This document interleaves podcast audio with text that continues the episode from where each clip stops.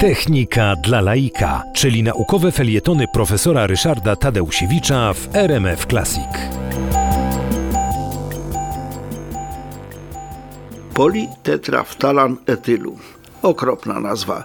Chyba nikt z Państwa e, nie zorientował się, o czym chcę dzisiaj opowiadać.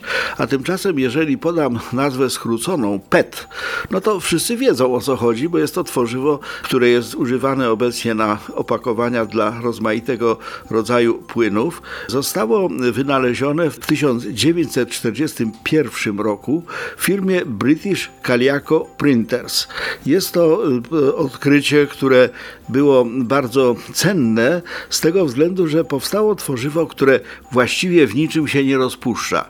Czyli w butelkach, pojemnikach y, właśnie z tego PET y, można przechowywać praktycznie dowolne płyny i żaden z tych płynów nie zostanie przez to tworzywo zanieczyszczony. Co więcej, PET ma pewną miłą właściwość, której bardzo brakuje innym tworzywom. Mianowicie istnieją bakterie, które rozkładają PET, a więc wobec tego ta zgroza, ten kłopot, jaki mamy z innymi e, tworzywami sztucznymi, że one gromadzą się na składowiskach śmieci i nie bardzo wiadomo, co z nimi zrobić.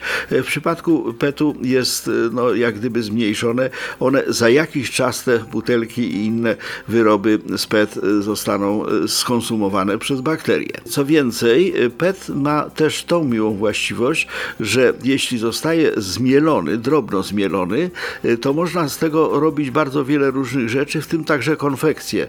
Mianowicie puchowe kurtki obecnie wypełnia się, a nie pierzem, tylko właśnie zmielonym e, tym tworzywem PET.